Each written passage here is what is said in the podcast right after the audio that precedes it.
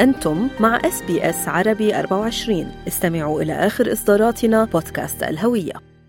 قد تبدأ العلاقة بين شخصين بسبب انجذاب وعاطفة جياشة حيث يخفق القلب لمجرد ذكر اسم الحبيب يكون الحب قويا جدا في مراحله الأولى وتكون مرحلة جميلة ورومانسية. لكن بعد فترة قد يبدأ هذا الاندفاع بالتراجع ولأسباب كثيرة. تحدثت إيمان عن بدايات الحب وبدايات العلاقة لكن هل يخبو الحب بعد فترة؟ آه، أم أنه يكبر ويزهر أكثر مع الأيام ومع امتداد هذه العلاقة؟ إذا خفق القلب في سنوات العمر المتقدمة هل نشعر بالخجل؟ هل يعاتبنا من حولنا أم يرحب بهذا الأمر؟ كل هذه المواضيع مستمعينا سوف نناقشها في حلقة دردشة عائلية. أهلا بكم في هذه الحلقة ونرحب أيضا بمستشارة العلاقات الأسرية وفض النزاعات. رن فايد لنعرف منها شؤون وشجون الحب. أهلا بك. ما هو الحب؟ أهلا بكم. موضوع شيق جدا. الحب هو التقبل. إن انت تتقبلي المقابل الشخص الآخر زي ما هو. تاخدي ال package على بعضها. الحب مش أعمى. مع إن مع, مع يعني في مقولة خاطئة بتقول الحب أعمى أو مرايه الحب عمياء بس دي مش حقيقة. اللي بيحب بجد الترو لاف الحب الحقيقي هو إن أنت تشوفي المقابل وتعرفي عيوبه بالتفصيل ومع ذلك تختاري إنك تحبيه وتتقبليه على زي ما هو. مراية الحب مش عامية طب هل الحب نظره ضعيف؟ لأنه في بعض الأحيان الناس بيستغربوا أنه كيف يقع آه هذا الإنسان بحب هذا الشخص رغم أنه كل من حوله بيكون مثلا شايف في عيوب أو شايف في عدم توافق بين الشخصين. قد نتوسع في هذا الموضوع قليلا لكن خلينا نبدأ مع بداية الحب القوية والممتعة والسعيدة. هل من المنطقي أن إحنا نتوقع استمرار الحب بنفس قوته من البداية حتى مرور السنوات؟ زي في في فرق بين الحب الحقيقي اللي هو الشعور ال deep connection أو التواصل الارتباط العميق القوي اللي بيستمر سنين أحيانا like you 50 60 70 سنة right? وبين الانجذاب العاطفي والشغف okay okay? إحنا ربنا خلقنا ننجذب you you know, للجنس الآخر ال spark أو ال ال ال الشعلة. الشعلة yes آه الشغف العنف بتاع العواطف ده اللي بيحصل ده ممكن يحصل أكثر من مرة مع أكثر من حد خلال حياة الإنسان. ليه؟ لأن دي الفسيولوجية بتاعت الإنسان right? إحنا متركبين ومتصنعين بالشكل ده. فده مش حب ده انجذاب ده رغبة. ده مشاعر وعواطف جياشة. ممكن في ناس جعانة للحب في ناس عندها إدمان على الحب. تسيب علاقة وتدخل في علاقة تسيب علاقة ودايما بيجروا ورا الشعور ده اللي هو جدا قصير. فلو إحنا ركزنا على الشعور القصير ده هو إيه؟ هو شوية آه هرمونات you know, كورتيزول ودوبامين فلما بتشوفي حد فيه مثلا مواصفات معينة بتبتدي like you قلبك يدق بسرعة يجيلك butterflies تبتدي إن انت like اسمه يخليكي آه my God you ده مش حب. ده نعم. انجذاب. ده مش حب. نعم. ده إعجاب. بس مم. مش حب. لكن الحب الحقيقي ده اللي أنا بقول مراية الحب مش عامية. الحب الحقيقي بيجي مع الوقت. أما تعرفي الشخص كويس قوي تشوفيه في أضعف لحظات حياته. في أسوأ حالاته you know? ومع ذلك تحبيه. ده الحب الحقيقي. لماذا تهدأ المشاعر بعد فترة؟ يعني إن كنا عم نتحدث عن هذا الانجذاب الأول والرغبة ربما حكيتي عن تفاعلات كيميائية بالجسم بتحصل يعني وهرمونات. فلماذا تهدأ بعد فترة؟ لماذا تخف؟ يعني لو واحد لاكي ومحظوظ بيلاقي الاثنين الانجذاب والإعجاب وال- والمشاعر الجياشة دي والحب الحقيقي في نفس الشخص.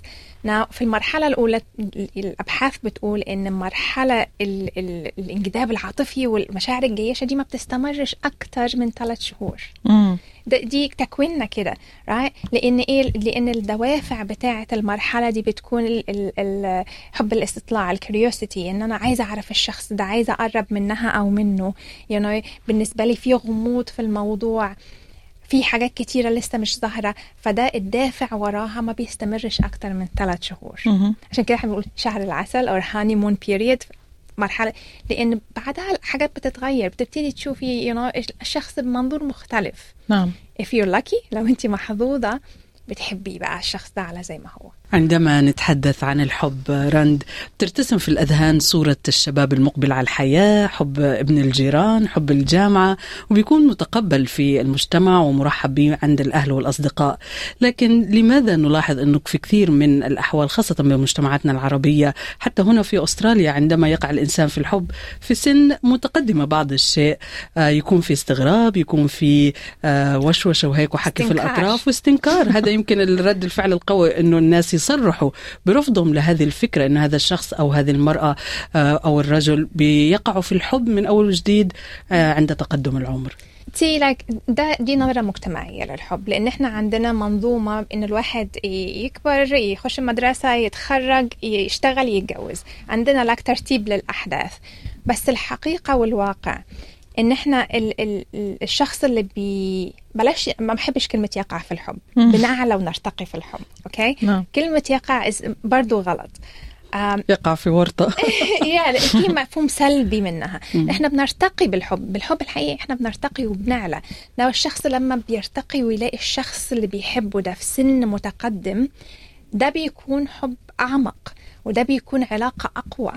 لأن الشخص بيكون وصل لمرحلة هو فاهم نفسه هو فاهم احتياجاته هو عنده خبرات حياتية تخليه يفهم كمان المقابل ذكاء عاطفي وذكاء نفسي. في حين الحب وإحنا صغيرين مراهقين وإحنا في الكلية الحب وإحنا صغيرين ده عقلنا أصلا ما بيكونش مكتمل النمو. يعني عقل الإنسان بيكتمل النمو في البنات من 18 ل 25 سنة. مم. في الشباب من 25 ل 30 سنة. يعني النضج آه، مهم أيضا لمعرفة آه، الحبيب أو الشخص اللي رح نحبه أو يحبنا. آه، فما في مشكلة ابدا آه، يعني بالوقوع بالحب أو الارتقاء نحو الحب في عمر متقدم. رند يقال أحيانا أيضا إنه نحن يعني ما بنحب هيداك الشخص الشخص المقابل لكن بنحب نفسنا فيه. بنشوف حالنا فيه يعني لأنه يمكن بيهتم فينا أو بيأمن لنا متطلباتنا العاطفية. فيك تفسري لنا هالجزء هيدا؟ بس الحب أنواع okay؟ في حب بيحصل بال proximity إن إحنا like بنشتغل مع بعض بنشوف بعض كل يوم هو الذكر الوحيد أنت الأنثى الوحيدة فمع الوقت بيحصل العلاقة ممكن تتطور right so ده نوع من أنواع الحب right في نوع حب تاني إن أنا بيجي عندي احتياجات right? احتياجات نفسية ما تمش إشباعها وأنا طفلة أو في زواجي الأول أو ايا كان. فأنا بحب في المقابل مش هو but how he makes me feel. المشاعر اللي بيخليني أوصل لها. نعم. يعني إحساسي اللي بكون فيه وأنا مع الشخص ده. نعم ده مش حب حقيقي. نعم. ده زي ما أنت حكيتي أنا بحب نفسي وبحب الحالة اللي بكون فيها وأنا مع الشخص ده. نعم. نرجع للحب الحقيقي هو إن أنا أعرف الشخص أعرف عيوبه وأحبه على عيوبه. ده اللي بيسموه الحب الغير مشروط. جميل جدا. هذا الحديث عزيزتي آه البعض قد يسأل هل في وصفة لاستمرارية الحب؟ هل في دراسة أجريت سموير في أي مكان تقول لنا ما هي العوامل اللي لازم تتوفر في هذه العلاقة كي تبقى وتصمد رغم تحديات الوقت والزمن؟ نعم ما فيش وصفة معينة بس علشان علاقة تستمر وتكون بالقوة آه إن هي تتخطى لأن أي علاقة زوجية حتمر بمشاكل ومراحل كتيرة. يعني أول خمس سنين أهم خمس سنين في أي علاقة زوجية. أول سنة زواج أهم سنة في الزواج كله.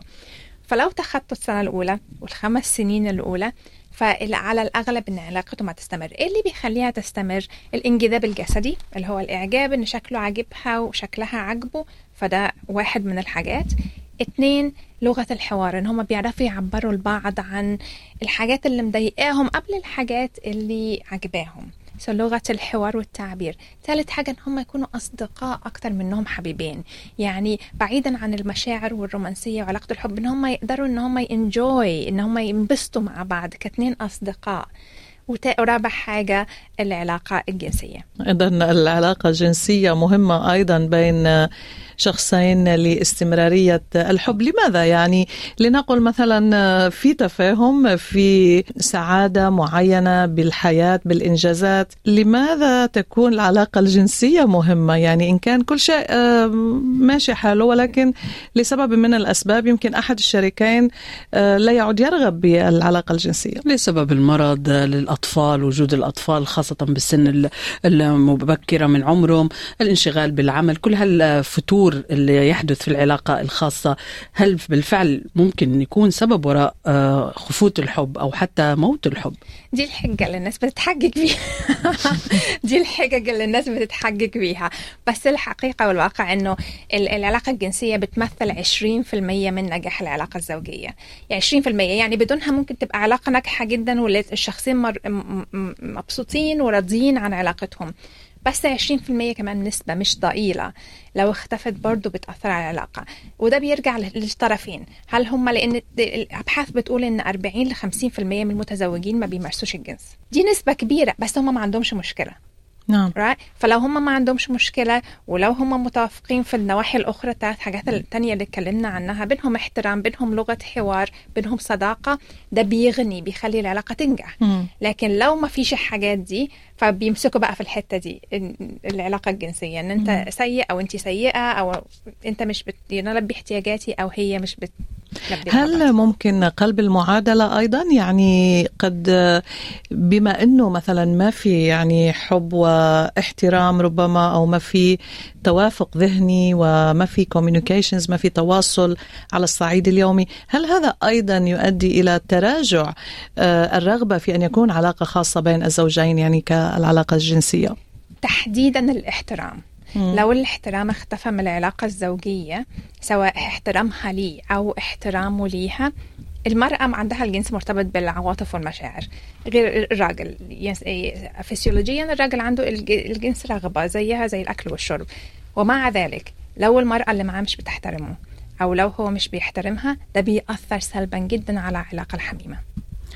عندما نتحدث عن الحب بيخطر على بال الناس إنه شأن مختص به القلب فقط. يعني أمر لا للعقل فيه حساب ولا تدخل. هل هذا هو واقع الحال أم نحن نتحدث عن حب المراهقين عندئذ عندما نقول آه عينيها مش شايفة عيوبه أو عيونه مش شايفة عيوبها والناس حواليها بيحذروها لماذا وقعت في حب هذا الشخص أو لماذا ارتقيت لحب هذه الفتاة ومش شايفين في توافق؟ لكن يبدو كأن الإنسان مسير بالموضوع الموضوع عقله مغيب بعض الشيء.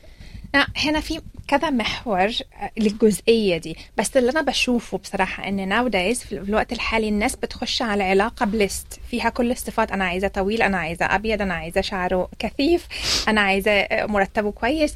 ب list دي list عقلية مش قلبية right وبتلاقيها راحت حبت واحد like ملوش أي علاقة بال list دي. مم. فلو دخلنا العلاقة ب list إحنا محضرينها سابقا دي ال ال دي مش مواصفات الزوج اللي هيسعدني وهسعده. فده ده غلط. دي دي أول حاجة من ال من الجزئية دي. تاني حاجة إنه حب المراهقة مختلف عن حب الناس الناضجة جدا مختلف. أخيرا عزيزتي خلينا نختم هذه الحلقة اللي بنتحدث فيها عن شؤون وشجون القلب.